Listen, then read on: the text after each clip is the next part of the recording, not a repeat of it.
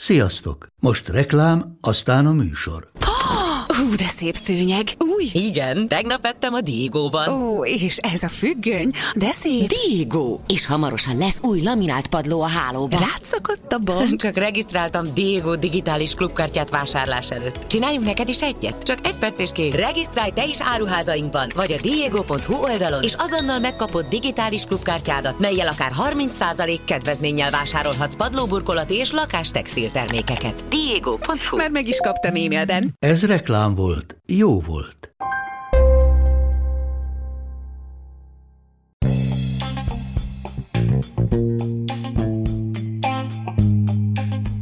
Ez itt a Pogi Podcast. Pogácsa Zoltán közgazdás, szociológus, politikai gazdaságtani podcastja a globális gazdaságról a klímaválság, az automatizáció, a digitális gazdaság, az egyenlőtlenségek és a posztdemokrácia korszakában.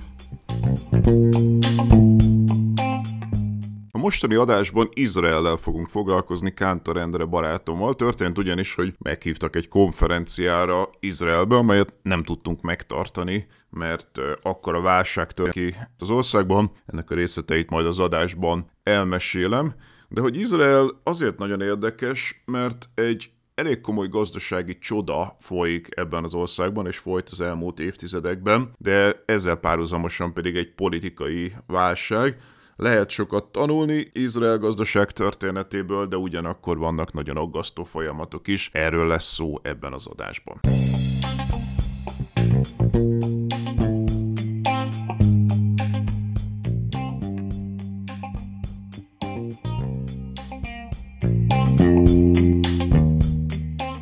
konferenciára érkeztél, ami természetesen az általános válsághelyzet miatt elmaradt. Igen, az történt, hogy meghívtak egy konferenciára Izraelbe, és pont amikor ugye kezdődött volna a konferenciát, előző nap még egy kényelmes tengerparti seafood vacsorán ücsörögtünk, amikor egyszer csak halljuk, hogy így ilyen óriási zaj van a városban, de azt hittük, hogy a szomszéd étteremben lévő esküvőnek a hangjait halljuk, úgyhogy teljesen nyugodtan visszamentünk a szállodába, majd kiderült, hogy gyakorlatilag az ország történelmének a legnagyobb alkotmányos válságát éli át, és az utcára mentek az emberek, bezárták a Ben Gurion repteret, ahova érkeztem, tehát onnan visszaindulni nem tudtam volna, mert általános sztrájk van, és ez szerintem önmagában egy érdekes kérdés így gazdasági szempontból, hogy emlékszem, amikor a 2015-ös görög válság közepén meséltem a magyar barátaimnak, hogy általános sztrájk van az országban, akkor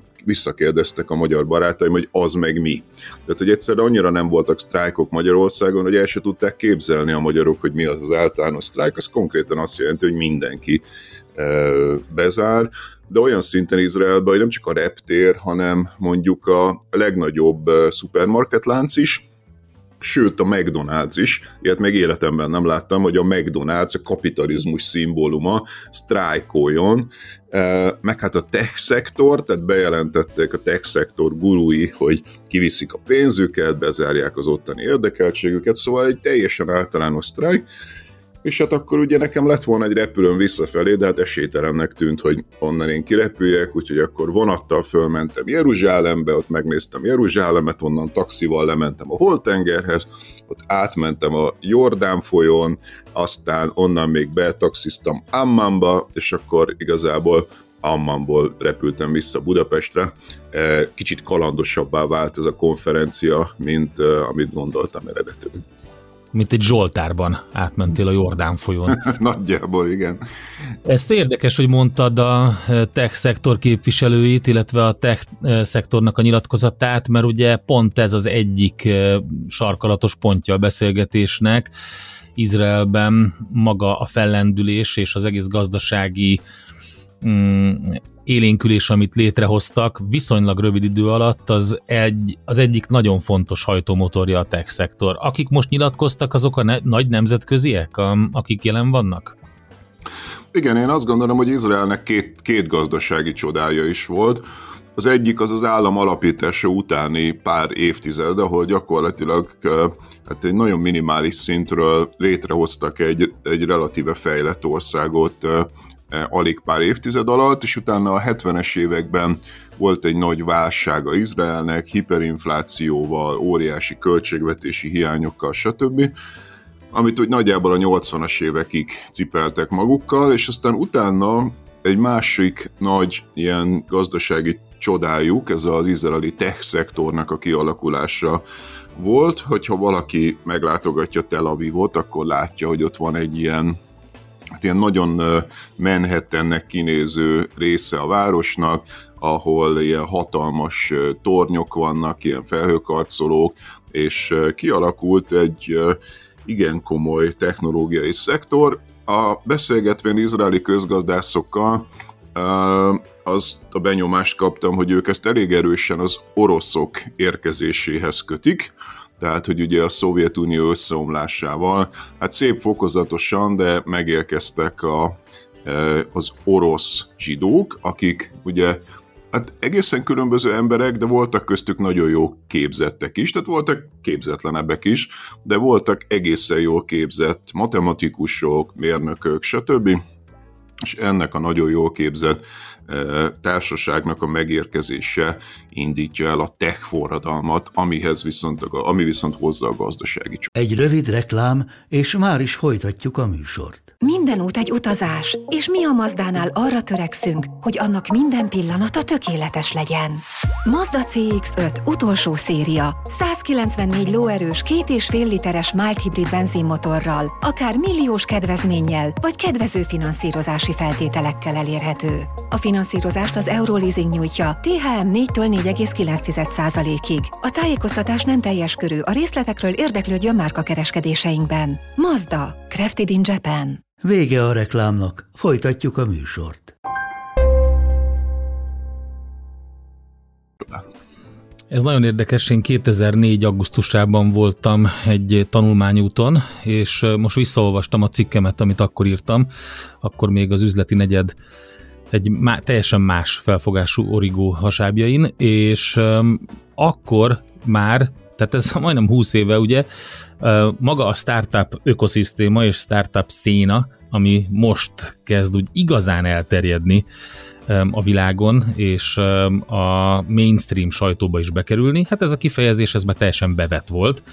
Szerintem 2004-ben még nem sokan írták le azt, hogy startup Magyarországon magyarul sajtóban, érdekes, és akkor, amikor beszélgettem én is az ottaniakkal, volt egy nagyon érdekes ilyen aforizma, hogy azt nézték, hogyha megjött a Ben Gurionra egy repülő, akkor ha jöttek le a lépcsőn a repülőről az emberek, hogyha volt hegedű nála, akkor zenész volt, ha nem, akkor pedig csillagász, vagy matematikus, vagy atomfizikus. És ez tényleg az orosz exodusnak a, a dátumához köthető egész pontosan. A felső iskolai végzettségnek az aránya az olyan dinamikusan ugrott meg, amikor megérkezett ez a mintegy kettő-kettő és fél millió ember, hogy azt hiszem, hogy 70% fölötti lett ez az arány. Úgyhogy elképesztő tudásbázis alakult ki. Igen, és kellett hozzá azért még pár dolog, de nyilvánvalóan az egyik dolog az a humántőke, tehát itt megint egy tanulság szerintem, hogy mennyire írtózatosan fontos egy ország sorsa szempontjából a, a humántőke. Ami még kellett hozzá, az igazából megrendelő, tehát itt nagyon fontos, hogy az izraeli hadseregnek uh, hát nagyon régóta mindenfajta ilyen biztonsági szükségletei vannak.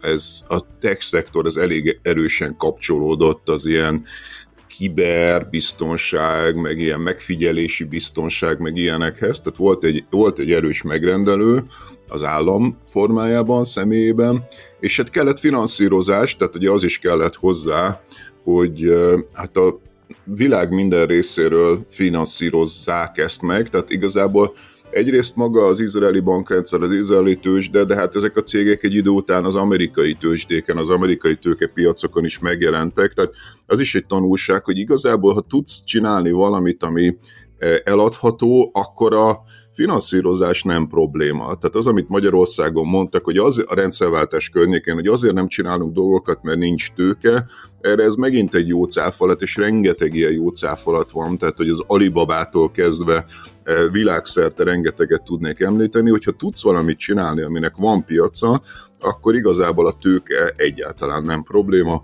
ki tudsz menni vele nemzetközi tőkepiacokra, és megfogják. Túl sok tőke van a világban, e, igazából a tőke keresi a jó beruházásokat, a megtérülő beruházásokat, az egyáltalán nem probléma. Tehát, hogy ezek összejöttek, a humántőke egy, egy biztonság, egy, egy vevő, ami egész e, e, hosszú időn keresztül nyilvánvalóan ott van, és aztán utána ebből aztán másoknak is eladják ezeket a termékeket.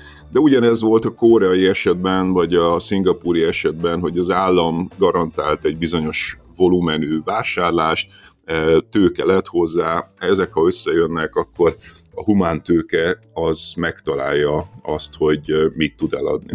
Ez nagyon jó, innen folytatjuk a humántőkéről, és megpróbáljuk a kezdetektől felgöngyölíteni azt, hogy mi is történt Izraelben és Izrael gazdaságának a felívelésnek mi milyen okai vannak, és hogy hogy értékel ezeket a sikereket. Kőhalmi Ferenc vagyok, bűvész, és a Rádiókafét elvarázsoltam. Hallgassátok ti is az elvarázsolt Rádiókafét. Sajátos pogácsa. Gazdaság, társadalom, könyv és tanulmányajánló Pogácsa Zoltánnal és Kántor Endrével. Folytatjuk tehát Izraellel és Izrael gazdaságával, és ott tartottunk, hogy mennyire fontos a humántőke.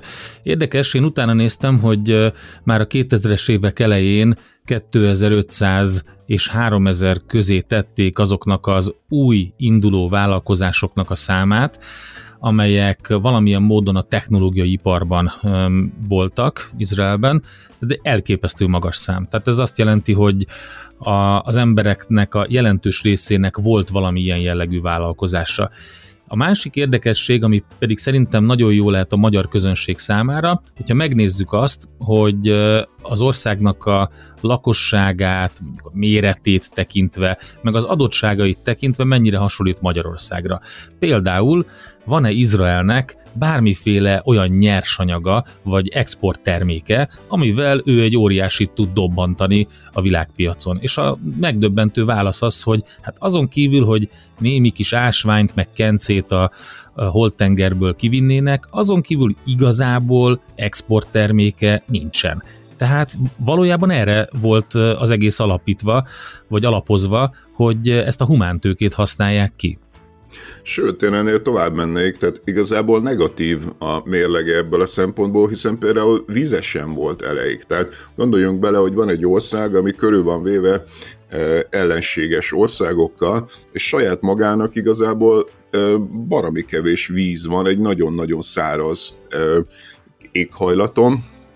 Tehát maga az, hogy most már az izraeli mezőgazdaság kiterjedten jelen van az ország területein, ahol korábban nagyon sok helyen sivatag volt, ahhoz az kellett, hogy kidolgozzanak egy lepárlási módszert, tehát nagyon sok vízük a tengervíznek a lepárlásából jön, amit ottani tudósok fejlesztettek ki, mint módszert. Tehát bizonyos értelemben ugye még negatív is volt ez a ásvány, vagy anyag, anyagkincs, ami, amire építeni lehet egy gazdaságot. Tehát tényleg a kezdetektől igazából az jellemző, hogy rettentően képzett emberek csináltak itt egy országot tulajdonképpen, tehát szerintem már a, az első ilyen gazdasági csodájuk is arra épült, hogy Európából jöttek emberek, menekültek, akiknek olyan vagyona nem volt, tehát ugye nagyon sokan közülük a holokauszt elől menekültek el, vagy onnan az után emigráltak oda. Gyakorlatilag nulla vagyonuk volt, de volt tudásuk, ezek sokszor jól képzett európai emberek voltak, akik aztán a világ minden részéről kaptak támogatásokat, tehát mondjuk a európai, amerikai zsidóság küldött rettentő sok pénzt, egy idő után a német állam ugye ilyen jóvátétel formájában szintén küldött pénzt, az amerikaiak küldtek, hát ők inkább fegyvereket, de sokszor ők is pénzt, és hát azért a pusztán az, hogy nagyon sok pénz jött ebbe az országba, az még nem csinált volna gazdasági csodát, mert láttunk már olyat, hogy valahova nagyon sok pénz érkezik, és aztán elherdálják, de hát ott egy olyan biztonsági helyzet volt, hogy hát vagy csinálnak egy országot, vagy gyakorlatilag vége a sztorinak, tehát muszáj volt tulajdonképpen alacsony korrupcióval felhasználni ezeket a pénzeket, és az, hogy volt ott egy humántőke már a 50-es években, ami, ami ezt képes volt felhasználni és építeni belőle városokat, ipart, stb., az megalapozta azt, hogy hát felfejlődött gyakorlatilag a 70-es évekre azt mondanám, hogy egy ilyen Magyarországhoz hasonló szintű GDP per főre a gyakorlatilag onnan, hogy hát egy polgárháborús helyzet után az ottani GDP az összeomlott a nullához volt közel, hiszen ugye ott volt egy, egy arab több is. Ugye az állam alapításakor is kitört egy háború, de utána többször háborúztak a szomszédaikkal, és gyakorlatilag ebben a környezetben, ahol a GDP-nek bizonyos pontokon a 20%-át kellett hadseregre költeni, ennek ellenére sikerült elérniük egy olyan GDP szintet, ami már a magyarhoz volt közel, így a 70-es, 80-es évekre, mára pedig Izrael benne van mondjuk a tíz leggazdagabb ország között a világon, tehát épp most láttam friss statisztikákat, ahol egyfőre jutó GDP-ben ma már az egyik tehát abszolút álligás országában akkor ezek szerint nem elcsépelt frázis a tudás alapú társadalom, mert ugye nagyon sokat használjuk, de azt hiszem, hogy Izrael tökéletes példája annak, hogy ez valahogy mégiscsak működhet. Én nem nagyon tudok olyan országot mondani, amelyik a felzárkózását ne tudásra alapozta volna. Tehát az, hogy technológia kell, a technológia adaptációjához e, e, kell tudás, tehát akár olyanokat veszünk, mint a távol-keleti országok, tehát egy Szingapúr, egy Dél-Korea, manapság egy Kína. Gondoljunk bele, ugye mindig lesajnálják Kínát Magyarországon, hogy azok csak másolnak, de hát másolni bárki tudna. Tehát, hogyha ilyen egyszerű lenne a dolog, hogy csak másolunk, akkor az összes afrikai ország is másolhatna, de valahogy aztán mégsem sikerül.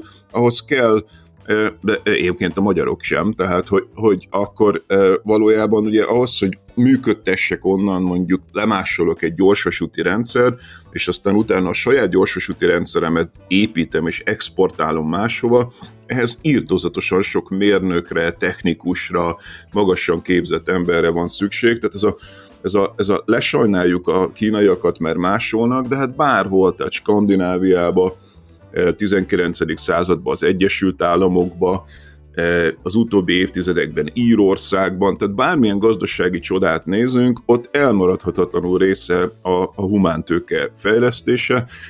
Izrael csak egy példa a sok közül, de gyakorlatilag minden ilyen példa arról szól, hogy ha, ha, ha nem fejlesztik egy országban a humántőkét, akkor esély nincsen arra, hogy felzárkozzon, vagy, vagy, vagy, vagy gazdag országá váljon.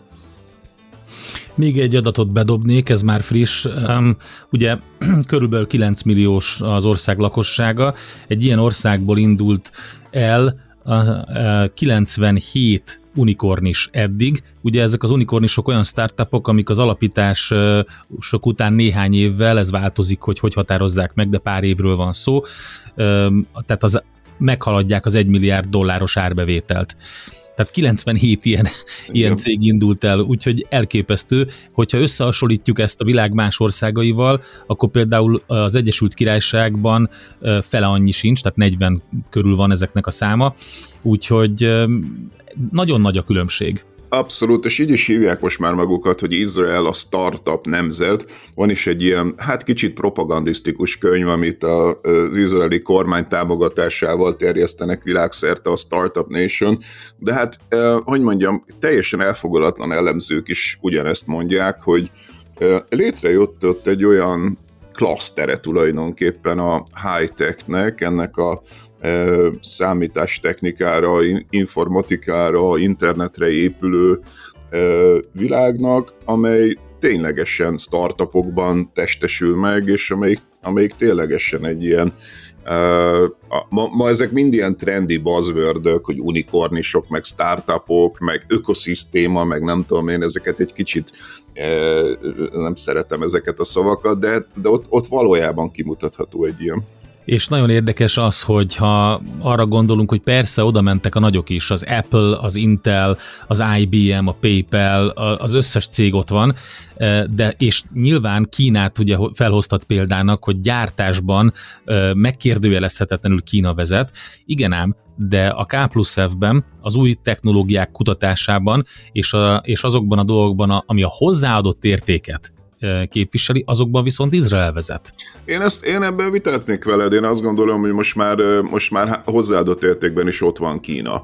Tehát azt a kutatásfejlesztést, amit mondjuk a kínai a, a, a AI, mesterséges intelligencia cégek csinálnak, az, hogy már saját űrállomásuk van, szolár technológiában, e-autók technológiájában, mobil technológiában, 5G-ben a Huawei a vezető, tehát szerintem már Kína is masszívan túllépett azon a korszakon, hogy csak egyszerűen csak egy gyártó összeszerelő üzem legyen. Már réges-régen nekik is vannak ilyen magas hozzáadott értékű kutatásfejlesztési írtozatos pénzeket ölnek a csipek fejlesztésébe, mert ugye levágják őket a nyugati chipgyártásról, akkor legyen saját chipjük, tehát szerintem már ők is túllépték ezt, és, és ez nagyon-nagyon hogy mondjam, szomorú Magyarország szempontjából, hogy az a Kína, amelyik bőven mögöttünk volt, az az Izrael, amelyik hát gyakorlatilag majdnem hogy a nulláról kellett alapítani, tehát olyan országok, amelyek pár évtizeddel ezelőtt még bőven mögöttünk voltak, ugyanaz alatt a 30 év alatt, amit elmúlt a rendszerváltás óta, gyakorlatilag masszívan megelőztek minket, jobban használták fel azt az időt, ami alatt Magyarország egy ilyen alacsony hozzáadott értékű összeszerelő üzemmé vált. Teszem hozzá az egész kelet-európai térség, tehát pont most jöttek ki a legfrissebb 2022-es e, adatok a, a bérekről, és hát senki nem lett itt nyugat. Tehát az a az illúzió, hogy itt nem tudom, időnként mindig van ilyen hónap dolgozója, először a magyarok, aztán a szlovákok, aztán a lengyelek, az utóbbi időben a, a, a, a baltiakat emlegették itt, de hát a, az adatok azt mutatják, senki a kelet-európai térségből meg sem közelítette a nyugat-európai béreket, és akkor persze jönnek a kommentek, hogy de hát a folyamatot kell nézni, meg hol voltak ezek 30 évvel ezelőtt, de nem. Tehát, hogyha 30 év elteltével senki ebből a térségből nem tudott nyugat-európai szintre felkapaszkodni, akkor teljesen lényegtelen a folyamatot nézni, mert akkor az azt mutatja, hogy ez a modell, amit Kelet-Európa képvisel, ez semmelyik formájában nem jött. És lehet vitázni, hogy akkor most Magyarország ezen belül elő van, középen van, vagy alul van, de az egész térség van ahhoz képest lemaradva, ami egy igazi kiugrást, tehát igazi kiugrást a távol-keleti országok képviseltek, igazi kiugrást Írország képviselt, tegyük hozzá eh, offshore, masszív offshore segítségével, de kiugrást. És igazi kiugrást Izrael képviselt, tehát ha megnézzük, hogy milyen bérek, teszem hozzá, milyen árak vannak Izraelben, tehát azt is tegyük hozzá, hogy Tel Aviv az Economist szerint jelenleg a világ legdrágább városa. Tehát egy vacak kiskola az 900 forintba kerül e, Izraelben, de hogy egy csomó ember, nagy része az országnak, az meg, azt meg tudja fizetni, mert olyan bérek is vannak hozzá. Izraelről beszélgetünk, és innen folytatjuk azzal, hogy egy kicsit megnézzük, hogy, hogy milyen a gazdasága Izraelnek, hogy áll össze, mik adják a GDP-nek a előteremtésének a, az alapjait. Sajátos pogácsa. Gazdaság, társadalom, könyv és tanulmányajánló Pogácsa Zoltánnal és Kántor Endrével.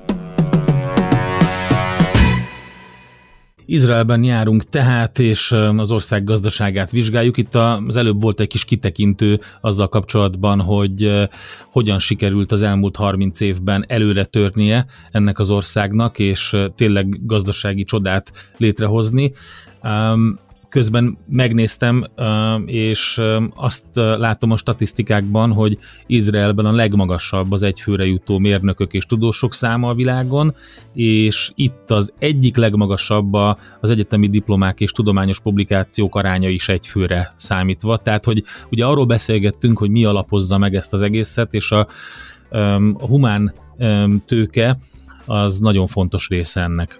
És ez nem ingyen van, tehát hogy olyan adatokat is keresgélnél, hogy mennyit fektetnek be, akkor azt látnád, hogy mondjuk amíg Magyarország körülbelül a GDP-nek egy ilyen egy-másfél százalékát költötte kutatásfejlesztésre hosszú időn keresztül, tehát valahol egy és másfél között szokott ez a mutató jobb időkben másfél, amíg mondjuk az Európai Uniónak hát nagyjából ez a célja, tehát hogy egy ilyen másfél-kettőt szoktak célnak kitűzni, és mondjuk a jobb Európai Uniós országok azok talán kettőt, kettő és felett költenek, ehhez képest Izraelben simán valahol 3 és 5 százalék között mozog ez a mutató. Tehát mondjuk a magyar, tehát arányaiban is, miközben az izraeli GDP magasabb, mint a magyar, de arányaiban is dupla annyit költenek évről évre kutatásfejlesztésbe, ami hát nyilván meghozza a gyümölcsét, tehát nem azt mondom, hogy csak sok pénz, de csak sok pénz jól elköltve, helyesebben úgy fogalmaznék, hogy pénz nélkül, befektetés nélkül nem nagyon lehet azt várni, hogy legyen egy high-tech szektor, hogy legyen magas hozzáadott érték, ez ugyanúgy működik, mint egy vállalkozás, hogy először be kell ruházni, és utána lehet onnan kész pénzt kivenni, de hát ez még Amerikában is így működik, tehát szerintem egy ilyen óriási eh, félreértése a magyar eh, kutatásfejlesztési politikának, hogy úgy akar kutatásfejlesztést csinálni, hogy igazából nem akar abba beruházni. Tehát azt mondja, hogy az egyetemek azok menjenek direktben a, a, a piachoz, és a piac tartsa el az egyetemeket. De ilyen sehol nincsen. Tehát, hogy ugye mindenhol az van, meg kell különböztetni a, az alapkutatásokat és az alkalmazott kutatásokat. És az alapkutatást a világon mindenhol az állam finanszírozza meg, még az Egyesült Államokban is, ami ugye a magánegyetemek és a magánpiacnak a, a, a, a, a paradicsoma, mint tudjuk, de ott is az van, hogy a Marianna Mazzucatónak az, a, a munkásságában nagyon sok erre utaló ábra van, hogy háromnegyedét az alapkutatásnak az amerikai állam finanszírozza meg, és Izraelben is. És ugye azért tud valamit eladni utána az egyetem, mert az alapkutatással létrehozott olyan technológiákat, olyan tudást, amit aztán a cégek maguk keresnek. Tehát nem az van, mint Magyarországon, hogy az egyetemeket kényszerítik arra, hogy kuncsorogjanak a cégeknél, hogy vegyetek már tőlünk valamit, igazából nincs semmink eladni, de vegyetek már tőlünk valamit, hogy megélhessünk, hanem az van, hogy az alapkutatást az állam megfinanszírozza. Ott létrejön egy olyan tudás, ami utána cégek jönnek az egyetemhez, és nem az van, hogy ugye megveszik a mérnököket a cégek az egyetemektől, mert ötször annyit tudnak nekik fizetni, hanem jól fizetett állások vannak egyetemeken, jól fizetett infrastruktúrával, kutatással, laborokkal, stb. És akkor a, a cégnek az érdeke, hogy együttműködjön a, az egyetemmel, mert tudja, hogy azon az egyetemen van olyan tudástechnológia, amit ő tud hasznosítani. Tehát ez a, kutatásfejlesztés politikának a, a működőképes modellje. Nem az, hogy kivonom a pénzeket a kutatási egyetemi szférából, és azt mondom a, a, az intézményeknek, hogy tessék kuncsorogni a piacon, anélkül, hogy lenne eladható tudásuk. Én azt gondolom, hogy ez ez nagyon-nagyon fontos megérteni. Ennek a csíráit azért látjuk Magyarországon is. Sajnos azt kell, hogy mondjam, hogy a csíráit, és nyilván vannak olyan állami programok, amik, amik legalábbis a felszínen hasonlítanak arra, amit most elmondtál, akár a startupoknak a segítésében, akár valamilyen módon adókönnyítés formájában a működő tőke bevonzására de azért teljesen más ennek a, az egésznek a, a struktúrája. Egész másban, de egész más. Tehát ugye a startupokról ne is beszéljünk Magyarországon, mert az, az egy botrány. Arról külön Pogi Podcast epizódot csináltunk Bucski Péter gazdasági újságíróval, ő ugyanis földolgozta a startupokat, hogy mi történik a startup finanszírozásban Magyarországon. Ha valakit ez érdekel, tényleg hallgassa meg a Pogi Podcast adásain a Spotify-on, ott meg fogja találni a beszélgetésemet Bucski Péter, ő empirikusan megnézte, hogy kinek adják, haveroknak adják, e, mi jön ki belőle, semmi nem jön ki belőle, megszűnnek ezek a cégek, tehát a startup finanszírozás világa Magyarországon önmagában egy botrány, Az meg, hogy adókedvezmények, tehát nem adókedvezményekkel kell segíteni a kutatásfejlesztés, hanem még egyszer hangsúlyoznám finanszírozással. Tehát ameddig az állam nem finanszírozza meg az alapkutatást, az egyetemek, a kutatóintézetek működését nem teszi biztonságossá, ameddig a, e, a, a kutatói tudósi státusz az nem egy jól finanszírozott, biztonságos megélhetési pálya, hanem egy ilyen prekárius, állandóan az állami szektorból kifelé dolgozó, a megélhetéshez a, az állami szektoron kívülről folyamatosan megrendeléseket gyűjteni kényszerülő pálya, addig, addig ez nem fog működni. Tehát mindenhol, ahol jól működik a, kutatásfejlesztés, amire aztán épülhet egy tech, tehát hogy ugye hangsúlyoztat, hogy ezek ilyen klaszterek, de a klaszterek nem jönnek maguktól létre. Tehát amikor Magyarország azt mondja, 30 éve hallunk ilyeneket, hogy mi leszünk a térség pénzügyi központja, meg mi leszünk a térség ilyen tech központja, ilyen központja, olyan központja, ezek ilyen álmok, ezek ilyen déli bábok, mert ezek nem szoktak maguktól létrejönni.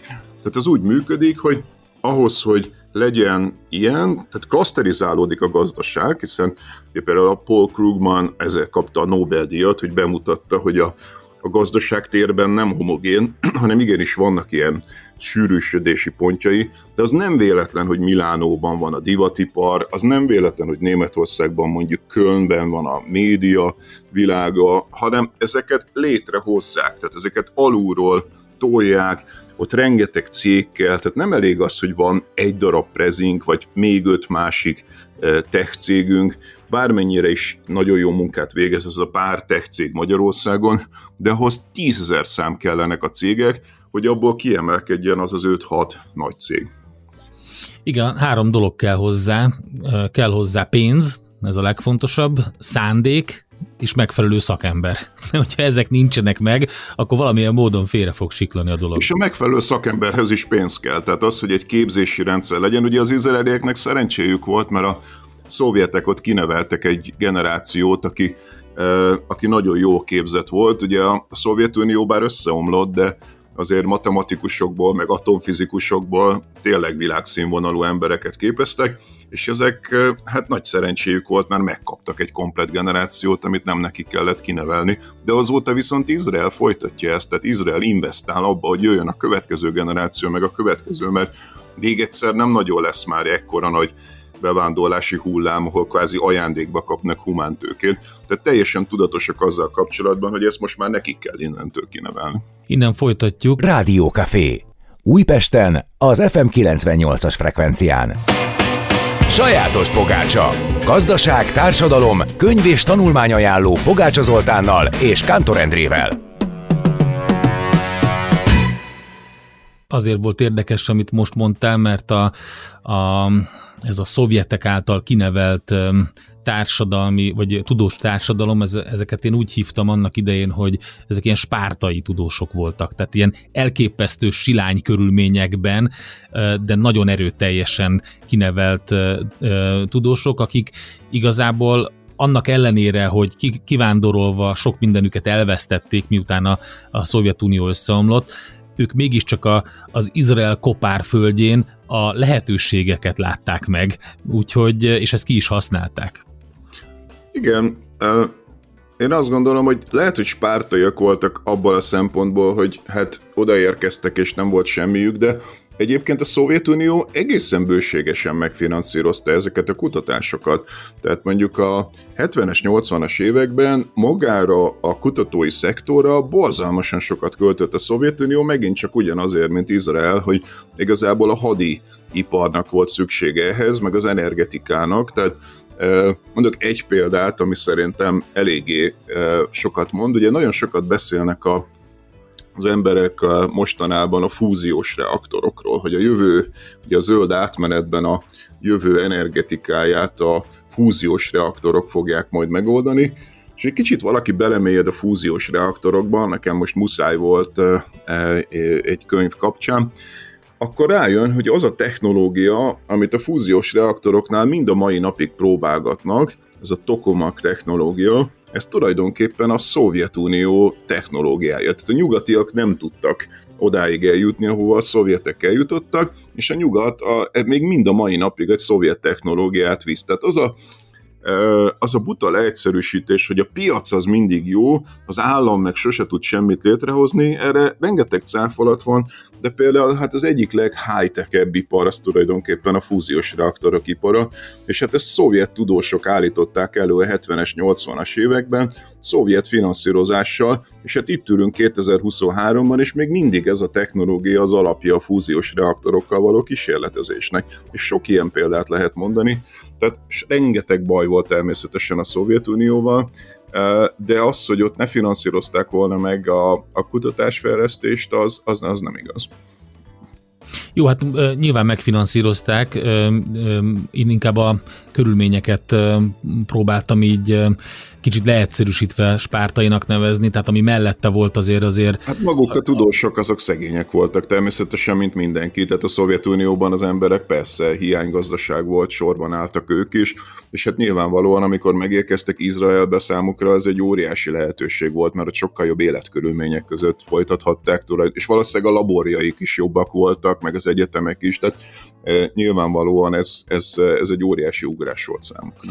Jó, szerintem folytassuk majd azzal a következő részben, hogy egy kicsit jobban megvilágítjuk az egész gazdaság szerkezetét, az GDP-t, azt, hogy egyáltalán hogy próbálnak megküzdeni a mostani válsággal. Nyilván érintette őket is az inflációs környezet, érinti őket a közel-keleti válságok sora, ami mondjuk, ha nem belpolitikai, akkor külpolitikai vagy geopolitikai jellegű, de most az érdekelne, hogy te most jöttél onnan haza. Mi az, ami most történt, amit, ami odáig fajult, hogy, hogy tényleg tömegek vannak az utcán, lezárják az autópályákat, lezárják a repülőtereket, általános sztrájk van, és egész egyszerűen egy olyan alkotmányos válság alakul ki, ami, hogyha felszínesen és távolról nézem, akkor egy jól működő gazdaságban nehezen tud idáig fajulni, annak ellenére mondjuk, hogy Franciaországban is látunk hasonló demonstrációkat. Hát én azt gondolom, hogy onnan érdemes ezt megérteni, hogy valójában Izrael az két párhuzamos társadalom. Tehát ha ö, oda megy az ember, akkor egyszerűen fizikailag látványosan érzi, hogy mondjuk Tel Aviv, a főváros, az egy ilyen európai mediterrán, ilyen teljesen chill out hely, ahol az emberek ö, olyanok, mint nyugaton, a nők miniszoknyában ülnek a teraszokon, eszegetnek, jön egy ilyen kellemes szellő a tenger felől, gyönyörű Bauhaus épületek vannak, és hát egy ilyen e, e, óriási LGBTQ élet van, és egy ilyen teljesen nyugatos, kicsit amerikai, de inkább ilyen mediterrán-európai benyomású hely. És akkor átmegy az ember Jeruzsálembe, és mintha egy másik világba kerülne, ott hirtelen mindenki ortodox, minimum kipa van rajta, de inkább ezek a nagy kalapok. A férfiak és a nők teljesen külön vannak, a nők teljesen lefedve, senkivel nem beszélnek csak maguk között, tehát ott egy ilyen ortodox világ van, az épületek is másképp néznek ki. Ugye Jeruzsálem fönn van a hegyek között, hidegebb is, egész más világ és sokkal inkább ilyen közel-keleti benyomásot keltő hely. Na most ez a két világ, ez két külön értékrendszer is, tehát amikor elindult Izrael állam az, az alapítás után, akkor sokkal kevesebb ortodox volt, és igazából hosszú időn keresztül egy ilyen erősen baloldali európai többség volt. Tehát ezek az európai zsidók, akik oda kivándoroltak, ezek nagy részt egy ilyen balos, erősebb balos, tehát még a szociáldemokráciánál. Nyilván nem ez a szovjet típusú kommunista valami, tehát nem egy ilyen elnyomó diktatórikus rendszer, hiszen demokratikus választások voltak, de hát ugye a kibuc, mint szimbólum, a, ugye ezek ilyen farmok voltak, ahol ilyen ön ellátó gazdálkodás folyt, meg az, hogy itt szakszervezetek nagyon erősek voltak, én olvastam egyszer egy, önél, egy életrajzot Golda Meirről, aki ugye egy miniszterelnök asszonya volt Izraelnek, és hát döbbenettel olvastam, hogy amikor Amerikába látogatott, mint miniszterelnök, akkor az első hely, ahova elment, az az amerikai szakszervezetek gyűlése volt. Tehát még mielőtt találkozott volna a Fehérházban az elnökkel, felszólalt az amerikai szakszervezeteknek a az ülésén, és mondta, hogy az ő apukája, ők egyébként ki, Ukrajnába vándoroltak ki Amerikába, majd onnan ment Izraelbe, hogy az ő apukája egy tag volt ezekben az amerikai szakszervezetekben, és ő úgy érezte, hogy neki fontos, hogy először a szakszervezetekre, úristen, ez ma mennyire elképzelhetetlen lenne, hogy egy izraeli miniszterelnök ellátogat egyáltalán, nem, hogy még az elnökkel való találkozás előtt a szakszervezetekhez, szóval ez egy nagyon balos közeg volt, ami mint mindenhol máshol, tehát ugye, hogy a Piketty a legújabb könyvében, nem a tőke 21. században, hanem a legújabb könyvében leírja, alapvetően a baloldal mindenhol elolvadt, és ma már inkább ilyen liberális közeg van, tehát Tel Avivot ma már kisebb részben baloldalinak, inkább liberálisnak lehetne leírni, a, a, az ország nagy részén, ugye a telepesek, meg az ortodoxok viszont hát erősen egy ilyen tradicionalista, nacionalista e, irányzatot képviselnek, és hát hosszú időn keresztül az volt, hogy nagy koalíció volt az ottani Fidesznek megfelelő e, párt, meg, a, meg, a, meg ezek között a Tel Avivi liberálisok között, és ezeket a az ortodox pártokat, ezek mind, ezeket mindig kihagyták ezekből a nagy koalíciókból, míg nem aztán ugye e, Benjamin Netanyahu megfordította ezt a képletet, és azt mondta, hogy akkor nem nagy koalíció van, hanem akkor ő csinál, az ottani Fidesz és az ottani ortodox pártok csinálnak, tehát még tőle is radikálisabb e, pártok csinálnak egy koalíciót, és akkor ezeket a e, baloldali liberálisokat hagyja ki a, a koalícióból, ami egy szakadást hozott létre, tehát gyakorlatilag egészen másképp képzeli el Izrael állam működését, az életet, tehát olyan kérdések, hogy ugye, mit tudom én, lehet-e valaki meleg, házasság az legyen szekuláris, vagy maradjon csak vallási házasság, tehát hogy a hétköznapi életbe is beszűrődő, meg hát az alkotmány szintjén működő problémák, és akkor még ugye erre jön a, a, a, a, a, az, az izraeli hadseregnek a kérdése, ami viszont folyamatosan ezeknek a szekulárisoknak, a liberálisoknak a kontrollja alatt áll, meg az a probléma, hogy a, a vallásos zsidókat tulajdonképpen a társadalom többi része tartja el. Tehát abból élnek, hogy adókból kapnak pénzt, hogy, hogy imádkozzanak. Ez egy olyan feszültség, ami feloldhatatlan, és hát az elején Ben Gurion sokkal kevesebb ortodox volt, tehát a legelején sokkal kevesebb ortodox volt, és Ben próbált, e, ugye az államalapító elnökük volt, ilyen gesztusokat tenni az ortodoxok felé, e, de közben gyakorlatilag a gyerekszám sokkal magasabb volt az ortodoxok között, és mára hát ilyen 50-50-re jött ki e, a, a, a, a magasabb gyerekszám miatt, és hát ez gyakorlatilag ilyen polgárháborúval fenyegető feszültséget jelent. Bocsánat, hogy kicsit hosszú voltam, csak ilyen nagyon-nagyon-nagyon komplex ez az ország. Nem is gond, mert én azt gondolom, hogy a, egy jó, jó cliffhangerrel fejezzük be ezt a részt. Izrael második része jövő héten következik, úgyhogy onnan folytatjuk, ahol most abba hagytuk, és egy picit tovább elemezzük azt a gazdasági, társadalmi feszültséget, ami kialakult inkább társadalmi feszültséget ebben az országban, de azt is megnézzük, hogy az államalapítás, tehát 1948 óta hogy jutott el 2023-ban Izrael egy olyan szintre, hogy tényleg csodaként tekintenek rá. Hogyha szeretnétek ezt meghallgatni, akkor megtehetitek a Spotify-on, keressétek a Pogi Podcast, Pogi blog oldalát, illetve a Facebookon ugyancsak az adás után egy pár nappal már felkerülnek podcastként ezek a műsorok. Köszönjük szépen a figyelmet, jövő héten jövünk Izrael második résszel.